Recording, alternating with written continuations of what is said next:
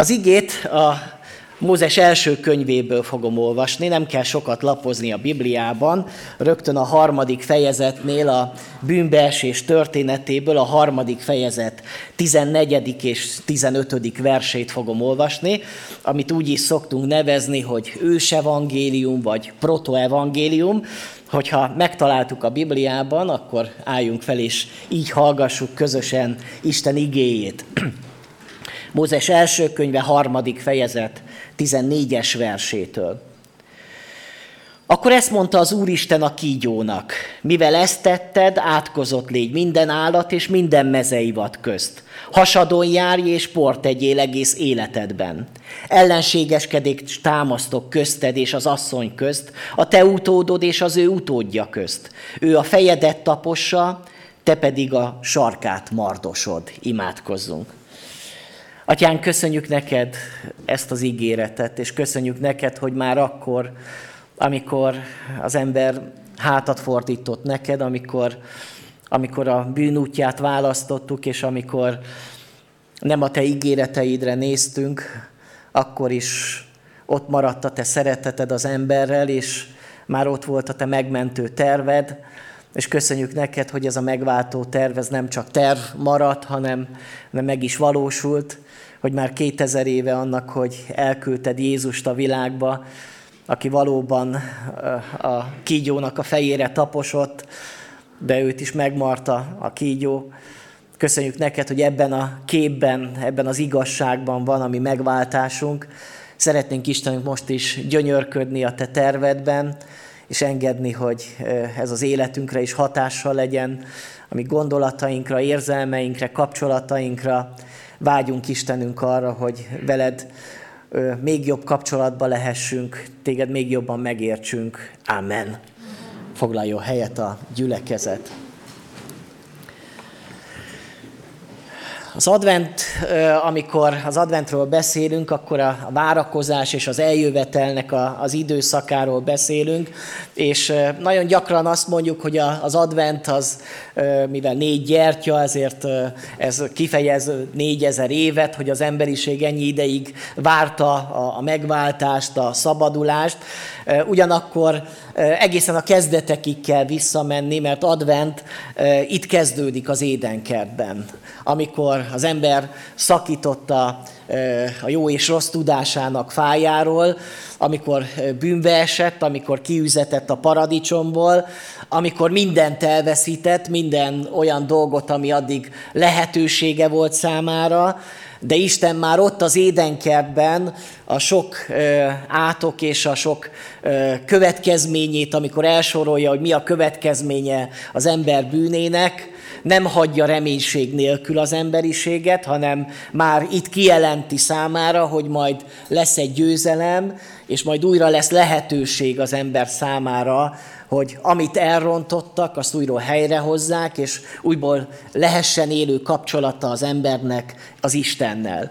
És jó ezt a, a képet meglátnunk, és azt a reménységet, ami az emberiségnek a reménysége, hogy lehetünk bármilyen mélyen, akár ö, érzelmileg, vagy éppen erkölcsi mélységben, az Isten nem hagy magunkra, hanem az Isten akkor is kész arra, hogy kiszabadítson bennünket abból az állapotból, abból a mélységből. Tehát az advent arról szól, hogy az ember, amit elvesztett, az ember, amit maga mögött tudott, ami, ami hiányossága van, ami tönkrement, azt az Isten majd helyreállítja, és ennek a reménységét akarja adni az ő népének a szívében. Így volt ez már az Ószövetségben is, és így van ez az Új Szövetségben is. Mi is egy olyan állapotban vagyunk, amikor a már nem és a még nem között, hogy már a világ az nem ott tart, mint az Ószövetségi időkben, már megtörtént a megváltás, már eljött Jézus Krisztus, már nem a messiást várjuk, a zsidók még a mai napig is várják a messiást, hogy majd megjelenik, majd egyszer fölismerik ők is, hogy a messiás már eljött. Tehát már nem kell várniuk arra, hogy Jézus megszülessen, hanem most már arra várunk, és az a következő esemény, hogy Jézus visszajön majd úrként és királyként, és uralkodni fog, ezen a földön, és mi pedig majd ott leszünk vele örökkön örökké a mennyben. Mi már ezt a, az időpontot várjuk, de nem tudjuk, hogy mikor. Nem tudjuk, hogy mikor jön el. Azt viszont sejthetjük, hogy amikor vége lesz az életünknek, akkor már előre ugrunk arra az időpontra. Tehát olyan sokat nem kell várnunk, hogy ez az idő beteljesüljön az életünkben. A világ tekintetében lehet, hogy még generációk fognak eltelni, és még ebben az állapotban kell, hogy legyen a világ, és nyög a terhek alatt de bizonyára mondhatjuk, hogy a megváltás az Isten tervében már ott van, és a tökéletes helyreállítás is ott van Isten tervében. Itt már azt látjuk, hogy mennyire fontos Jézus eljövetele a világra. És amikor a karácsonyra készülünk, meg Jézus Krisztus testetöltésére készülünk, akkor nem csak egy olyan ünnepet várunk, amikor egy ilyen kedves ünnep, amikor mondjuk azt, hogy a szeretet ünnepe, és milyen jó, hogy megajándékozzuk egymást, és mosolygunk egymásra. Van ennek az ünnepnek egy ilyen humanisztikus ilyen, ilyen olvasata, hogy ilyenkor a jó emberek azok összejönnek, és ilyenkor a jó együtt lenni, ilyenkor szeretjük egymást, ilyenkor a jó oldalunkat mutatjuk egymásnak. De a karácsony sokkal inkább nem erről szól, nem az emberről szól, nem az ember szeretetéről szól, hanem sokkal inkább arról, hogy az ember szeretete az kudarcot vallott. Hogy mi emberek, amire képesek vagyunk önmagunkban, az csak az önzés, a gonoszság és a lázadás. És éppen emiatt az állapotunk miatt jött el Jézus a világba, hogy ebből az állapotból kiszabadítson, és újra alkalmassá tegyen arra, hogy képesek legyünk szeretni, képesek legyünk valami jót tenni ezen a világon, és hogy képesek legyünk kapcsolatba kerülni az élő Istennel.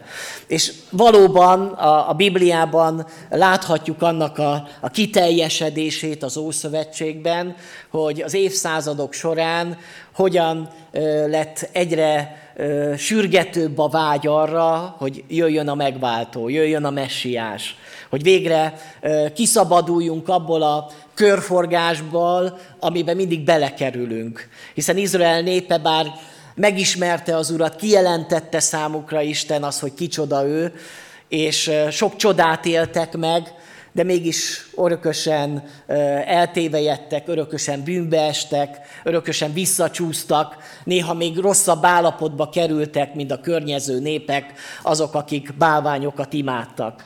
De ott maradt a nép szívébe az a reménység, amit már az édenkertben megígért az Isten, hogy egyszer majd eljön az asszonynak a magja, az a fiú, aki majd megszabadítja a világot az ő bűneiből, és ezáltal lesz újból kapcsolat Isten és ember között.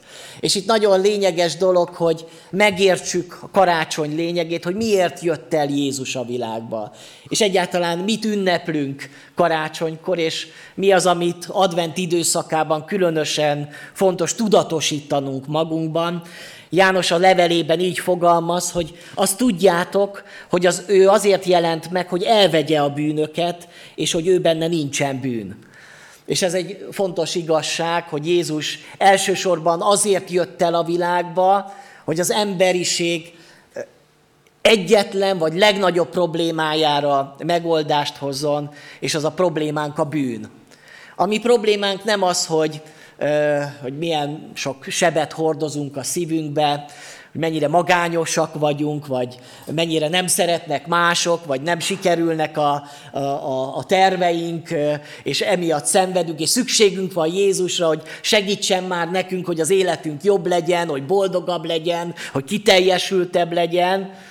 Természetesen Isten ezt is adja nekünk. De elsősorban Jézus nem azért jött, hogy nekem jobb legyen, persze hozza magával, hogy jobb lesz, hanem elsősorban azért, hogy a bűnömre megoldást találjon. Az az ember, aki nem érzi magát bűnösnek, vagy nem tudatosult és szembesült azzal az, a szellemi állapotával, hogy én egy elvetemült, menthetetlen, bűnös ember vagyok, aki képtelen vagyok jó dolgokra, mert a szívem mindig csak gonoszságot terem, az az ember nem érti, hogy miért jött el Jézus a világba. Én azt gondolom, hogy ma Fontos a kereszténységben ezt az igazságot hangoztatni és újra felismerni. Mert a mai világban van egy humanisztikus evangélium. Sok gyülekezetben, sok prédikátor, különösen azok, akik szeretnének nagyon népszerűek lenni, azok elveszik az evangélium élét azzal, hogy ma már nem népszerű bűnökről beszélni. Nem népszerű azt mondani az embereknek, hogy ti bűnösek vagytok. Hát ma azt érdemes mondani, ti értékes emberek vagytok, ti fantasztikusak vagytok, a ti problémátok nem a bűn, hanem a kisebb rendűségű érzés. Én úgy gondolom, a mai evangélium, a humanisztikus evangélium arról szól, hogy az ember bűne alapvetően az alacsony önértékelés. És ezért nagyon sok gyülekezetben a központi üzenet az, hogy értékes vagy, jó vagy, szép vagy, és ha így gondolsz magadra, akkor így is fogsz viselkedni. De ez hazugság. Ez nem biblikus igazság. És ezért a Isten népének újból fel kell fedezni a biblia igazságát, hogy mi igenis bűnös emberek vagyunk, akikért azért jött el Jézus, hogy a bűneinkből megmentsen bennünket. Ne meneküljünk a bűneink elől, hanem merjünk szembenézni vele, és merjük vállalni, hogy igenis mi, nekünk szükségünk van Isten megmentő kegyelmére. Hogy mi is, milyen is az emberi szív, és milyen gonoszság van benne. Néhány magyar irodalomból választott verset is olvastam így a héten. Az egyik így hangzik, az ember fája földnek, oly sok harc s békejév után, a testvér gyűlölési átok virágzik homlokán, s midőn azt hinnők, hogy tanul, bűntfor, nagy, még nagyobb bűntforral álnokul. Az emberfaj sárkányfolt vetemény, nincsen remény, nincsen remény. Hát valaki tudja, hogy ki írta ezt a verset. Vörös Marti Mihály, és az a cím az Emberek. Egy másik vers. Olykorban éltem én a földön, mikor az ember úgy elaljasult, hogy önként kéjelölt, nem csak parancsra, s míg balhitekben hit, stajtékzott tévetek, befonták életét vat, kényszerképzetek. Ez Radnóti, ugye? Ezt ismerjük talán jobban, a töredékből van. De mind a két vers rámutat azt, és az, a költők nagyon jó ráéreznek az ember igazi problémájára, mely a 20. század elején különösen meglátszott, hogy mire képes az ember, hogy milyen az emberi szív, olyan sárkányfog vetemény, és az ember úgy elaljasult. Merünk-e szembesülni ezzel a tényel? Merünk-e szembesülni ezzel a igazsággal, amit a Biblia is kitár elénk, hogy igenis baj van ezen a földön. És nem csak az a baj, hogy vannak rossz emberek, akik rosszat akarnak és elnyomják a jó embereket, hanem a baj az, hogy mindannyian megromlottunk, mindannyian eltévejettünk, és nem az Isten útján járunk. És a bűnbeesés mit is jelent? Lehetne, persze ezt a képet szoktuk használni, bűnbeesés, de sok teológus mondja azt, hogy sokkal inkább azt a képet kellene használnunk, hogy a, a szövetségnek a, az átlépése, vagy a szövetség megszegése. Mert hogy Isten kötött az emberrel egy szövetséget az édenkertbe. Ez a szövetség úgy hangzott, hogy veled vagyok kapcsolatban, én megáldalak téged, és itt vagyok veled, közösségbe vagyok veled, egészen addig, míg erről az egy fáról nem eszel, amely a jó és rossz tudásának fája. Itt is már tetten érjük a szövetség lényegét, az, hogy a Isten ad ígéreteket, és a szövetségnek van feltétele. Ugye az Ószövetségben is van egy szövetség, amely úgy szól, hogy én majd az istenetek leszek, ha megtartjátok a parancsolatokat. Az új szövetségnek is van feltétele, hogy aki hisző benne, az el ne vessze, hanem örök élete legyen. Van egy szövetség. És a bűn tulajdonképpen azt jelenti, hogy az ember átlépi a szövetséget, hogy hátat fordít a szövetségnek. És itt is ezt a tudatos döntést fogjuk látni a, a bűnbeesés történetében, hogy az ember tudja azt, hogy mit kér tőle az Isten, és ennek ellenére pontosan azt teszi, amit nem szabad. És a mi életünkben is olyankor van a gond, amikor mi pontosan tudjuk, hogy, hogy mit, mit akar az Isten. Hát ha imaházban járó emberek vagyunk, hát pontosan tudjuk, hogy mit akar az Isten. Ha im, im, im, olvasjuk a Bibliát, tudjuk, hogy mit akar az Isten, és mégis talán olyan sokszor ennek ellenére cselekszünk, ennek ellenére gondolkodunk, ennek ellenére tesszük a dolgainkat a világba. És ez a bűn, amikor átlépjük az Isten szövetségét. Ez egy lázadás, amikor az ember fellázad az ő urával, teremtőjével szemben, azért, mert azt hiszi, hogy ebből a lázadásból majd szabadság lesz. De pont az ellenkezője, ellenkezője történik, hogy ennek a lázadásnak az eredménye az egy rabság, egy megkötözöttség. Nem a boldogság lesz a lázadás eredménye, hanem egy mérhetetlen nagy szenvedés és boldogtalanság. És ez az egész úgy indul, hogy az ember bizalmatlan az Istennel szembe. És ezt a bizalmatlanságot gerjeszti a sátán az ember szívébe, amikor megkérdezi, hogy, hogy valóban azt mondta neked az Isten, hogy a kertnek egyetlen fájáról ne egyetek. Ugye már a kérdés is hazugság volt, mert az Isten nem azt mondta, hogy egy fáról se ehettek, azt mondta, hogy egyetlen fáról nem ehettek, de az ördög azt mondja a sátán, hogy egy fáról, egy fáról se ehettek, hogy az Isten ennyire nem szeret benneteket. Hazudik és arra mutat rá, hogy ti mennyire ö, meg vagytok kötözve, bizalmatlanság az ember szívébe, Tényleg szeret engem az Isten, hogyha eltilt engem dolgoktól, hogyha nem enged meg dolgokat? Pedig Isten, amit megtilt az embernek, az az, hogy ne játsz a tűzzel, mert az neked rossz lesz. Ugyanúgy, mint ahogy a szülők megmondják a gyereknek, hogy ne, ne játsz már a vasalóval, mert az, az meleg, és az fájni fog. És az ember lehet, hogy a gyerek azt mondja, hogy hú, hát még sose próbáltam ki, aztán kipróbálja, és valóban rájön, hogy neki azt nem kellett volna. Milyen jó lett volna, hogyha hallgatott volna a szüleire, akik nem rosszat akarnak neki, hanem jót, amikor azt mondja neki, hogy ne tedd. És az emberben itt indul el a bűn, amikor bizalmatlan az Istennel szembe, hogy tényleg amit az Isten mond nekem, az tényleg rossz? Vagy eltilt engem valamitől, ami, ami jobbá teszi az életemet? És egy picit úgy vagyunk vele, hogy azért mégiscsak kipróbálom. Hiába mondja azt a Biblia, mondja azt az Isten, de azért szerintem ez nem is olyan rossz. Ez a bizalmatlanság. Nem bízok az Istenben, nem bízok abba, hogy ő jót akar. És benne van a hitetlenség a bűnben, hogy nem hiszek az Istenbe. Nem hisz abban, aki mindezt, ezeket a törvényeket megalkotta. És itt ismerkedjünk meg egy kicsit a kígyóval, aki ennek a történetnek itt az egyik főszereplője. Nagyon érdekes ez az alak, mert hogy a Bibliában, ugye az Új Szövetségben sokkal inkább egy szellemi lényt látunk magunk előtt, aki a sátán, az ördög, a diabólosz. Itt viszont egy állatként jelenik meg ott az édenkertben, csúszómászóként jelenik meg, aki a földön kúszik, és ebbe benne van az, hogy azért a ókori ember világában a, a kígyó sok népnek a, az istene volt.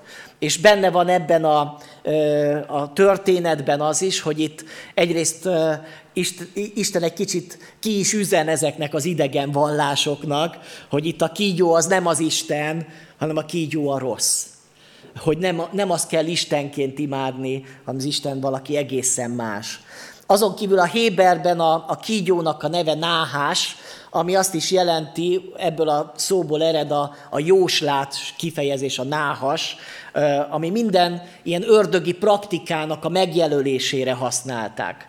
Tehát valamilyen okkult erő az, ami itt megjelenik a kígyóba, idegen vallásoknak a, a, a, a jelenléte is megjelenik, ami ugyancsak a, az Istennel való lázadást jelképezi, azon kívül benne van az is, hogy a kígyó nagyon sok kultúrában a, féktelen szexualitásnak a szimbóluma, úgy is mondták, hogy fallikus szimbólum, és nagyon sok helyütt ezt úgy ábrázolták, ahol ilyen szexuális környezetben. Ez mind benne van ebben a képben, hogy miért a kígyó jelenik meg. Másrészt pedig, hogyha arra gondolunk, hogy az embert, amikor megteremti az Isten, akkor azt mondja az embernek a, a, az Isten, hogy uralkodja tenger halain, az ég madarain.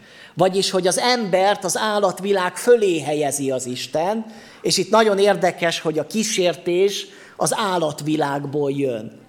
Abból a világból, ami fölött az ember hatalommal rendelkezik, ami fölött uralmat kapott, most éppen abból a világból jön a támadás. Ezt is érdemes egyébként átgondolni. Valaki így fogalmazott, hogy az ember Istenné szeretett volna válni, hiszen a, a sátán azt a kísértést adja az embernek, hogy olyanok lesztek, mint Isten. Egyébként már a saját képére és hasonlatosságára teremtette az embert. Tehát akkor miben szeretett volna még olyanabb lenni, mint Isten, amikor olyan volt? De az ördög azt mondja, vagy a sátán, hogy nem vagy olyan, mint az Isten de hogyha szakítasz, akkor olyan leszel, mint az Isten. És az ember olyanná vált, mint Isten. Nem, az ember hogy nem, hogy istenivé vált volna, hanem a sátán, a kígyó lehúzta a saját világába. Vagyis az ember lebukott az állati szintre. Ezt a képet is jó látnunk ebben a történetben, hogy az ember, aki az isteni szférához tartozik, mostantól kezdve az állatok szintjére jut. És hogyha őszintén belegondolunk a világ történelembe, és látva a híreket, vajon nem ezt látjuk, hogy elállato, elálatosiasodott, vagy hogy mondjak ezt, hogy állattá vált az ember, hogy azok lettünk hogy hogyan éljük ki a vágyainkat, és hogyan ö, lépünk át a másikon. Sokszor még az állatokat is megszégyenítve, mert az állat néha nem öl csak úgy passzióból, hanem csak azért, hogy fönn, föntartsa az életét. Hogy ezt látjuk ebben a történetben, ebben a képben, hogy az ősi kígyó jelenik meg. Ugyanakkor az új szövetség beazonosítja ezt a kígyót, azt mondja, hogy az ősi kígyó, vagyis a sárkány, aki maga a sátán és maga az ördög, aki megtéveszti az egész földkerekséget. Olvasjuk a jelenések könyve 12. fejezetében. Látjuk az ő tulajdonságait, hogy ravasz, hogy hazug, hogy gonosz, aki megtéveszti az embert, hogy aki nem nyíltan beszél, hanem hazugsággal téveszti meg az embert. Az Ézsaiás könyvében, 27. fejezetben egy másik képet is használ, a Leviatán képét, ami egy alattomos tengeri kígyó. Ez egy mitológiai lény, nem egy valóságos állatot képzeljünk el a Leviatán, de hogy így is ábrázolja, ami felkorbácsolja a tengert, és amelyik elsüllyeszti a hajókat. Ilyen az a kígyó, ilyen az a ellenségünk, aki beleviszi az embert a bűnbe. És ma is Fontos látnunk, hogy a, a sátán egy valóságos létező személy. Hogy nem csak egy mitológiai alak, nem csak egy kitalált valaki, amit akibe, ki, mi kivetítjük a bennünk levő rosszat, hanem egy valóságos külső támadás, aki ma is munkálkodik ebbe a világba, sőt azt kell látnunk, hogy jóval nagyobb erővel munkálkodik, mint talán valaha. Hiszen a jelenések könyve azt írja, hogy az idők végén tudja, hogy kevés ideje van. És mint ordító oroszlán jár szerte, hogy sokakat elnyeljen és megtévessze, ha lehet még a választottakat is. Tehát nekünk hívő embereknek fontos, hogy szembesüljünk vele, hogy felismerjük az ő tevékenységét, és ne engedjük azt, hogy úgy, ahogy a rávette, az első embert a kígyó arra, hogy védkezzenek, hogy föllázadjanak Istennel szembe, ugyanaz a terve ma is a te életedre, hogy ha már egyszer hívővé lettél, ha már egyszer Isten gyermeke lettél, akkor szakíts az Istennel, hogy, hogy kérdőjelezd meg az ő igazságait, hogy járj más utakon, mert az Isten eltiltott tőled valamit és neked sokkal jobb lesz, hogyha nem Istennel jársz együtt, hanem Isten nélkül. És itt az a kérdés, hogy észrevesszük-e, meghalljuk-e az ördög szavait ma is, ahogyan minket akar e, csábítani és belevinni a bűnbe. És nézzük meg, hogy milyen következményei lettek a bűnnek az ember életére nézve, és a világ életére nézve. Az első dolog, amit látunk, az a szégyen. Először is az ember szégyeli magát a másik ember előtt. Eltakargatják magukat ilyen fügefa levelekkel, kijelölt takargatják magukat, hát a másik ember előtt. És ezt látjuk, hogy a bűn következménye az, hogy mi egymás előtt is szégyeljük magunkat. És itt most nem arról van szó, hogy akkor a, a, a nudizmust hirdetné a kereszténység, hogy akkor vegyünk le minden ruhát, mert nincs mit szégyelni valóm. Tehát ne, nehogy ezt értsük ez alatt, hanem azt, hogy sokkal inkább azt tanítja a Biblia, hogy ez lelki, szellemi értelemben védjük magunkat a másik ember előtt. Hogy nem akarjuk, hogy lássanak bennünket, hogy meglássák a gyengességeinket, hogy meglássanak minket olyannak, amilyenek vagyunk mert szégyeljük magunkat. És ez a szégyen lehet, hogy nem is tudatosul, csak valahol bennünk van, a szívünk legmélyén. És ezért aztán szerepeket játszunk, állarcokat hordunk, és nem vagyunk őszinték. Szégyeljük magunkat a másik ember előtt. És nagyon gyakran érzem, hogy, és ezt sokszor mondom a gyülekezetbe is, hogy, hogy ez így van a keresztények között is hogy itt sem jutottunk még el odáig emberi kapcsolatainkba, hogy merjük magunkat felvállalni. Hogy merjük olyannak mutatni magunkat, amilyenek vagyunk. Hanem itt is gyakran mutatunk valamit, amit szeretnénk, hogy lássanak mások. A kirakatban éljük az életünket. És nem merjük azt mondani, hogy igenis testvérek, nekem vannak gyengeségeim, vannak bukásaim, vannak harcaim, amiket, amiket vívok és kérlek, hogy segítsetek ti is ezekben a harcaimban. Olyan jó lenne, hogyha, hogyha már nem takargatnánk magunkat egymás előtt. Néha még a házastársak is így vannak egy, hiszen itt már azt látjuk, Ádám és Éva házastársak, még egymás előtt is takargatják magukat, még egymás előtt sem mernek megnyílni, nemhogy egy ember előtt, egy embertárs, egy fele barát előtt. Milyen jó lenne, hogyha ebből az állapotból valahol tudnánk visszalépni. És az édenkertben azt olvasjuk, hogy mezítelenek voltak, de nem, nem szégyelték magukat. Ott még nem kellett semmit se titkolni. Ott még nem kellett semmi bizalmatlanság a másikkal szemben, mert nem tudom, hogy mit akar a másik. Nem tudom, hogy mit fog majd tenni a másik akkor, hogyha én megnyílok előtte. Ö, ott a bizalom volt. Ez a bizalom elveszett. De az Isten azt akarja, hogy újból bízzunk egymásban. Még akkor is, hogyha ez néha azt eredményezi, hogy bizonyos esetekben csalódunk. De nincs más út. Az Isten nem akarja, hogy egy ilyen rejtőzködő életet éljünk. De nem csak egymás előtt szégyeljük magunkat, hanem az Isten előtt is. Hát mit csinál az ember? Rögtön elmenekül a kertpályi közé. Bujócskát játszik milyen érdekes, az ember azt gondolja, hogy el tud bújni az Isten előtt, hogy majd az Isten soha nem fogja őt megtalálni, hogyha ott a kertfái között bújdosik.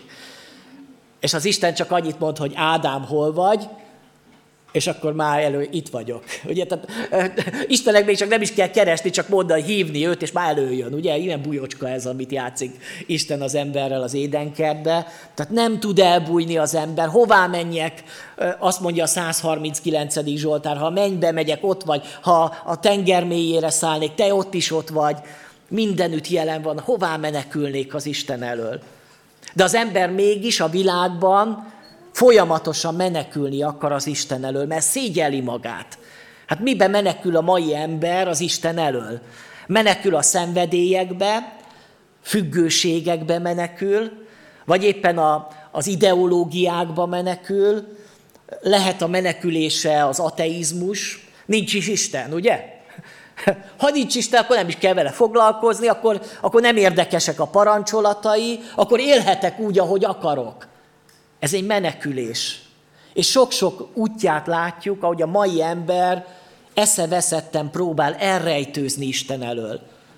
És valaki egyszer azt mondta Cseri Kálmán, hogy a legjobb hely a Isten elől való menekülésre az az imaház, a gyülekezet, a templom. Ott lehet igazán elrejtőzni, ahol azt gondoljuk, hogy Isten ott aztán mindig jelen van, de ott úgy tudok elrejtőzni az Isten elől, hogy azt gondolom, hogy én most már rendben vagyok. Én most már itt vagyok, már eljöttem, már teljesítettem a, a, a kitűzött célt, nekem most már nincs dolgom az Istennel ezek után. Ez az önigazolásnak a, a, az elmenekülése, hogy önigaznak érzem magamat. És így is ugyanúgy elmenekültem, mint hogyha úgy menekültem volna el, hogy hátat fordítok az Istennek. És szeretném kérdezni, kedves barátaim, kedves testvéreim, hogy ti vajon, vagy mi, mi vajon nem menekülünk-e az Isten elől folyamatosan? Hogy az Isten keresne, az Isten hívna bennünket, és te pedig folyamatosan mész előle, mert valamit szégyelsz, valamitből nem akarsz változni, vagy nem tudsz változni, és csak egy menekülés az egész életed. Ez az egyik következménye a bűnnek. A következő az a hibáztatás és a vádaskodás. Az ember odaáll az Isten elé, Isten megmondja, hogy csak nem szakítottál a, a, arról a fáról, amiről azt mondtam, hogy ne egyél. Mit mond Ádám? Az asszony, akit mellém adtál, ugye? Tehát, figyelj, ő volt a hibás, mindig az asszony a hibás, ugye? Az asszonyt is megkérdezi, hát a kígyó szedett rá. Hát mind, mindenki mutogatott valakire, csak senki nem mutogat magára. Tudjátok, amikor mi mutogatunk másokra, szokták mondani, hogy akkor három újunk az magunkra mutat. Próbáljátok ki. Tehát, hogy mi így mutogatunk a másikra, hogy közben magunkra mutogatunk. És vajon nem ezt csinálja az emberiség folyamatosan? Hogy próbálja a felelősséget áthárítani másokra. Hogy vannak a rossz emberek, vannak a gonoszak, vannak a körülményeim, amik, a, amik okozzák azt, hogy én ilyen vagyok. De hogyha nem ilyen lenne a körülmény, akkor már jobb lenne. És alapvetően a, a legnagyobb hibás ebben a történetben kicsoda? Az Isten. Ugye, mert az Ádám is azt mondja, hogy az asszony, akit te mellém adtál. Hát, amikor láttad, hogy egyedül vagyok, adhattál volna valami másik nőt is, aki nem visz engem bűnbe, ugye? Tehát alapvetően te vagy a hibás, Isten. És ugyanígy az Éva is azt mondja, hogy aki, aki azt mondja, hogy, hogy, az, hogy, hogy a, kígyó, tehát hogy ott is benne van az, hogy, hogy, hogy te vagy a hibás. És az ember valahogy az Istent is hibáztatja. Hogy miért van annyi rossz a világban, miért van szenvedés a világban. És nem érjezzük ezt a, ezt a vádaskodást a szívükbe, hogy az Isten a hibás. Miért teremtett ilyen világot? Miért engedte meg, hogy legyen rossz? Ö, szívtelen az Isten. De vajon az Istene a hibás azért, amit az ember elkövetett? Vagy a világ a hibás azért, amilyen a te életed? A körülményeid a hibásak azért, amilyen te ilyenné lettél? És biztos, hogy befolyásolnak minket ezek a tényezők. De ma azt gondolom a hibáztatásnak még magasabb szintjét éli az ember, amikor bűnbakokat gyárt, ugye? Az egyik párt mutat a másikra, hogy a liberálisok a hibásak. A liberálisok azt mondják, a konzervatívok a hibásak. Aztán a zsidók a hibásak, ugye? Vagy a mit tudom, milyen hatalom, a háttérhatalom a hibás. Ugye? Mindenfajta mutogatásnak nagyon nagy reneszánszát éljük a világba, de senki nem mondja azt, hogy én vagyok a felelős. Én már úgy szeretnék egy olyan politikust látni, aki azt mondja, hogy én vagyok a felelős. Hogy én rontottam el. Azt gondolom, nem is választanák meg ugye a következő választási kampányba, de legalább egy etikus dolog lenne, ha valaki végre azt mondaná, hogy miattam. Hogy én vagyok a hibás. Hogy én rontottam el. És az ember ezt teszi ott az édenkertbe, hogy miközben az Isten előtt, ha megállt volna, és azt, mondja volna, azt mondta volna Ádám, hogy, hogy szakítottam, elrontottam. Isten, kérlek, bocsásd meg nekem. Szerintetek, kedves testvérek, az Isten kiűzte volna őt a paradicsomból? Ha valódi bűnbánat lett volna a szívébe? Én azt gondolom, hogy nem. És ma is ott élnénk az édenkertben. Ha azóta nem lett volna valami másik Ádám, aki azért csak megpróbálta volna ott azt a fát. De értitek jól, hogy ma is az ember baja az, hogy miközben érzi és tudja, hogy van szégyelni valója, mégsem megy oda az Istenhez, és azt mondja, hogy Isten, bocsánatot kérek, mert elkövettem. Rosszat tettem, bűnös vagyok. Hanem mutogatunk másokra, összehasonlítjuk magunkat másokkal, hogy mások is ezt csinálják, meg mások még rosszabbak, mint én, ugye? Tehát az, attól én meg, meg jobb vagyok. Értitek, hogy mikor lesz az, amikor az ember azt mondja, hogy én tettem. Kérlek, bocsáss meg. Ez is a bűn következménye, amit látunk. És a bűn következménye az átok. Ugye ott van a családi életen, azt mondja, fájdalommal fog szülni gyermeket, amit sokkal inkább kellene úgy értelmezni, hogy fájdalomra szülöd a gyereket. Biztos, hogy benne van a, szülés fájdalma, de önmagában nem ez a fájdalom a legnagyobb fájdalom, hanem az, hogy fájdalomra szülöd a gyereket. Hogy látod majd a gyereked életében azt, amit a saját életedben is, hogy szenvedsz, és a gyermeked is szenvedni fog.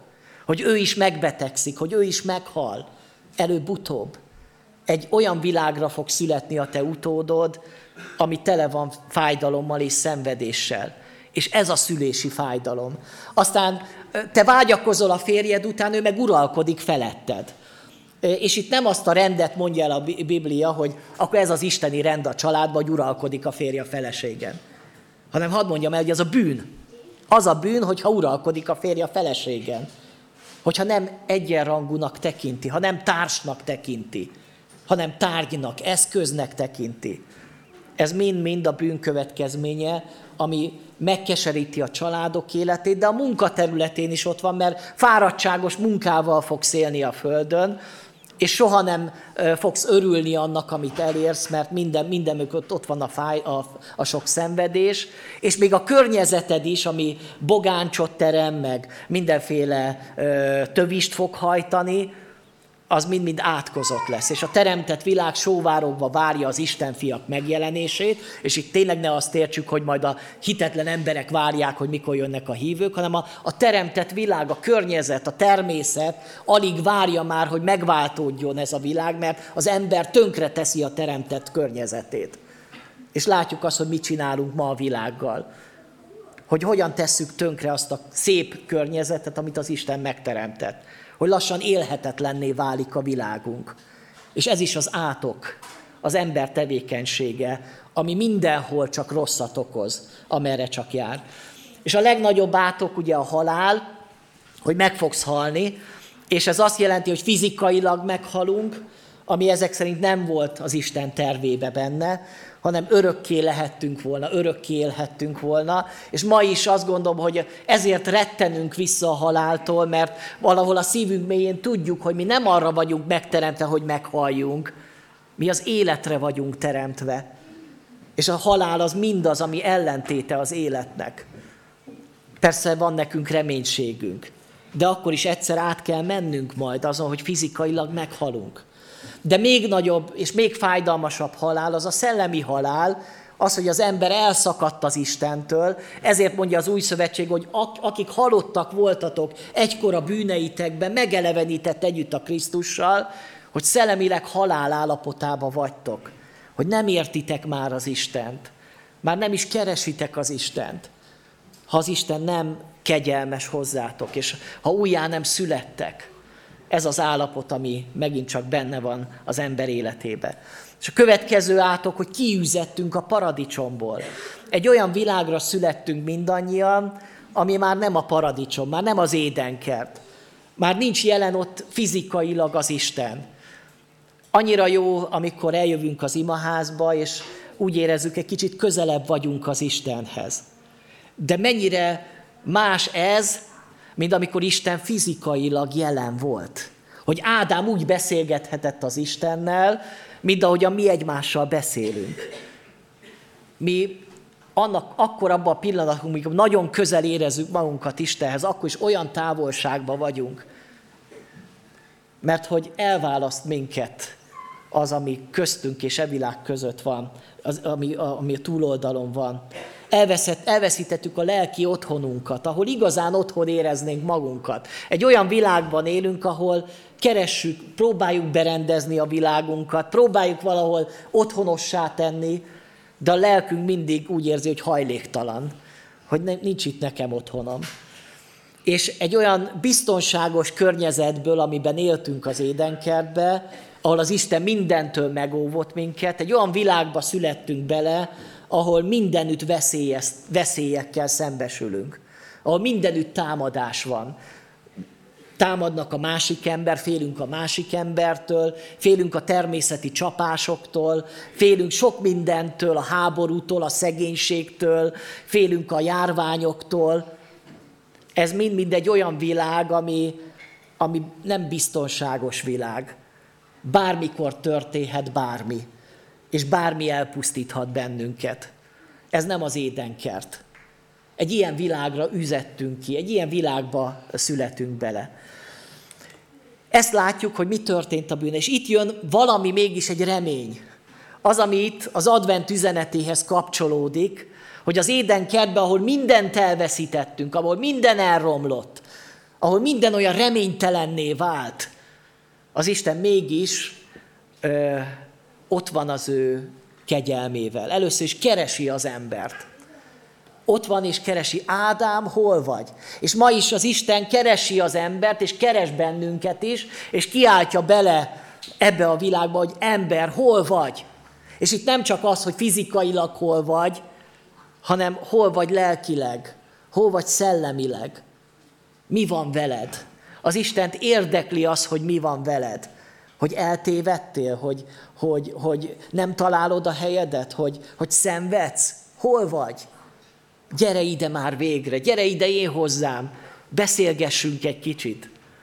Az Isten fut az ember után. És ma, amikor adventet ünnepelünk, akkor erre is gondolunk, hogy az Isten keresi az embert. Karácsonyban is az van, hogy az Isten elküldte a fiát azért, hogy megkeresse és megmentse azt, ami elveszett. Az Isten azért küldte a fiút, hogy keressen, hogy megkeresse az embert, hogy bele kiáltsa a világba, hogy hol vagy, hogy gyere ide, hogy gyertek én hozzám, akik szomjaztok. Az Isten kiállt ma is az ember után. Meghallod-e? És van-e még füled arra, hogy odállja, és utána nem ott fogsz állni előtte, és elkezdesz mentegetőzni meg minden, hanem azt mondod, hogy igen, itt vagyok, ilyen vagyok, de nekem szükségem van rád, és nélküled elveszek. Ezért keresi az embert az Isten.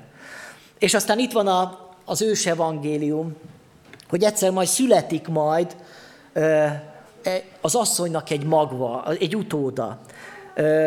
Ellenségeskedés támasztott közted és az asszony közt, a te utódot és az ő utódja között.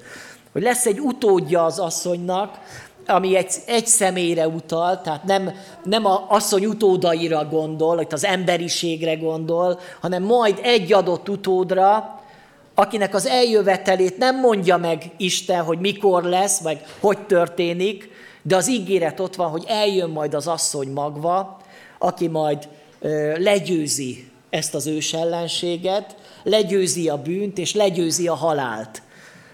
Egy asszonytól születik. És ez az első utalás Jézusra, amiben ott látjuk, hogy az Isten tervében már ott volt a megváltás.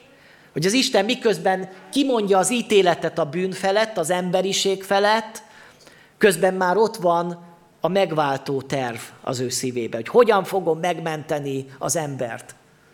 Azt az embert, aki akkora fájdalmat okozott neki, akkora csalódást okozott neki, és mégis az Isten azt mondja, hogy én mégsem akarlak elengedni. Én mégis utánat fogok nyúlni, és meg foglak szabadítani, amikor majd rádöbbensz arra, hogy, hogy ez nem jó, amikor majd szenvedni fogsz, és hozzám fogsz kiáltani, akkor én ki fogom nyújtani az én karomat, és meg foglak menteni téged. Ez az Isten gondolata, hogy nem csak a haragját látjuk az édenkertbe, hanem meglátjuk az ő szeretetét és az ő végtelen kegyelmét ott az édenkertbe. Jön egy ellenségeskedés, amiről beszél, egy harcról beszél. És ez a harc Jézus és a sátán harca, ami közöttük zajlik. És ez a harc, ez zajlik egyébként a történelem során most is. Most is van egy harc. Most is egy háborúban állunk, mert ez a harc bár elvégeztetett, Jézus legyőzte az ellenséget, de az ellenség még most is harcol. Harcol érted? Harcol veled szembe felismered-e, hogy ez a háború még tart. És ez az ellenségeskedés, ez majd az idők végéig el fog tartani, egészen addig, míg a sátán ki nem vettetik majd ebből a világból. De ez a harc először az uralomért folyt, hogy ki lesz a trónörökös, de most már tudjuk, hogy ez a harc eldőlt, Jézus minden hatalom menjen és földön, már nem a sátáné a hatalom. Mikor még Jézus a földön volt, akkor azt mondta, hogy nekem adatott minden hatalom, és annak adom, akinek akarom. De mikor Jézus feltámadt a halálból, már úgy mondja, hogy nekem adatott minden hatalom. Elvétetett a sátántól. Már nincs hatalma a világ felett. Már enyém minden hatalom. Eldőlt ez a harc. A harc most az emberért folyik, az emberi szívekért. Ki fog, erő, ki fog uh, uralmat venni a te szíved felett? A sátán, az ősi kígyó, vagy az Isten fia, az asszony magva, akit elküldött az atya erre a világra. Itt van a, a sátánnak a, a, a, hogy majd mardosod az ő sarkát, hogy fájdalmat és szenvedést okozol majd az asszony magvának, a fiúnak. És itt előttünk van a szenvedő mesiás, aki ott a Golgota keresztjén, ott valóban belemart a kígyó. Halálos mérget er engedett az ő testébe, és az Isten fiának is meg kellett ízlelnie a halált, és meghalt Jézus. Az ő szenvedése, az benne van ebben a képben, hogy miattad, az ember bűne miatt majd a fiúnak kell szenvedni. Olyan szépen írja le zsidókhoz itt levél második fejezet 14-es verse. Mivel pedig a gyermek testésvér rész, mivel pedig a gyermekek testésvér részesei, ő is hozzájuk hasonlóan részese lett ezeknek, hogy halála által megsemmisítse azt, akinek hatalma van a halálon, vagyis az ördögöt. Annyira szép ez az ige. Azt mondja, hogy a halála által megsemmisítse azt, akinek hatalma van a, a, a, a, a, a halál felett, vagyis az ördögöt. Belemart az ő sarkába, halált eredményezett, de közben Jézus a fejére taposott. Ez a kép teljesedik be nagypénteken és húsvét vasárnapján. Mert hogy a fejedre tapos jelzi az, hogy a győzelem, a végső győzelem az nem a kígyóé lesz majd, hogy nem ő lesz a világ ura. Hogy ne örülj kígyó, hogy most sikerült az embert rászedned. Mert az ítélet az ott van feletted. A sátánnak ö, annyiból rosszabb a dolga az embernél, hogy a sátánnak nincs lehetősége megtérni. Sokan kérdezték már, hogy ha sátán megtérne, akkor ő is üdvözülne. Szeretném mondani, hogy nem. A sátán egyrészt nem fog megtérni, másrészt pedig számára már nincs kegyelem. Ő megítéltetett, végérvényesen. Ő nem fog megtérni, ő a pokolba fog lenni. Az emberek fölött való ítélet az még nem dölt el. Az múlik azon, hogy hogyan viszonyulsz az Istenhez.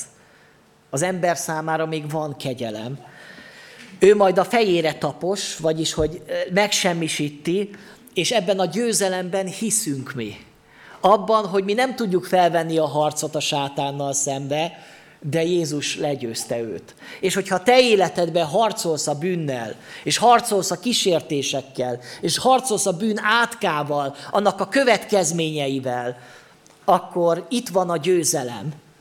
A győzelem, hogy Jézus Krisztus rátaposott az ellenség fejére, és az a méreg, ami a te testedben volt, mert minket is megmart a kígyó, mindannyiunkat megmart a kígyó, azt a mérget Jézus magára vette, hogy belőled úgy kiszívja ezt az átkot, kiszívja ezt a mérget, és élhetsz te szabadon. Ez van benne ebben a képben. De az is benne van, hogy ez a harc ez tovább fog folytatódni, mert azt mondja egy nagyon érdekes ige a rómaiakhoz itt levél 16. fejezetében, a békesség Istene pedig összezúzza a sátánt a lábatok alatt hamarosan.